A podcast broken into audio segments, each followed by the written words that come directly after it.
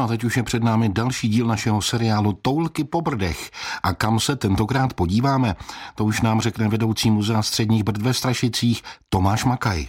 My jsme na půli cesty mezi takzvanou Tankovkou, což je silnice, která spojuje Holoubkov se Strašicemi. Potom další styčným bodem jsou Hůrky, což je obec, která se nám dostává do povědomí s rožumberským urbářem, ten z roku 1379. Ona cesta po té Tankovce, jak jste zmínil, bývá zejména v zimě taková trošku adrenalinová. Tak proč se sem mají turisté vlastně vydat? Co je tady zajímavého? Je tady zajímavá umrčí studánka, která je schována v takzvaném Hůreckém údolí. Studánka se nalézá u cesty, které se říká také umrčí a po ní se vozili neboštíci z Hůrek do Strašic, kde byl u kostela svatého Vavřince hřbitov. Nebyla to lehká cesta ani v létě a v zimě nebyla provozována z toho důvodu, že byla země zamrzlá a tady vlastně, jak vidíme dnes, tak je docela dost sněhu. Hůreckým občanům se říkalo takzvaně rorátníci, což byli lidé, kteří nemohli chodit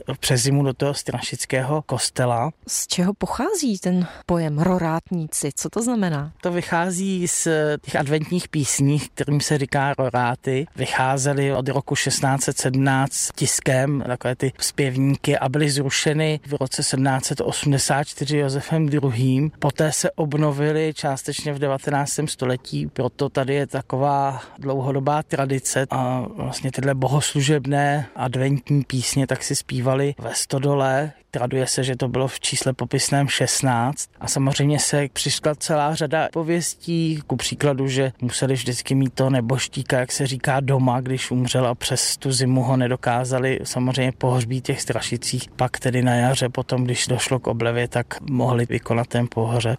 Lidé si neboštíky nechávali tedy doma, ale zřejmě ne úplně ve světnici. Ne, nenechávali si je ve světnici. To, co se traduje z vyprávění a vlastně je psáno i ve starých kalendářích, v zápiscích, že zůstávali tedy ve stodole, případně nebo štíka nechávali ve sklepě. A tato studánka tady sloužila tedy pro občerstvení kolem jdoucích, kteří využívali tuto stezku podstatě to vychází z tradice té umrčí stezky, která se neměnila. My můžeme potom vidět i úvozy u Strašic, kde ta umrčí stezka jde vidět i v takové té středověké podobě.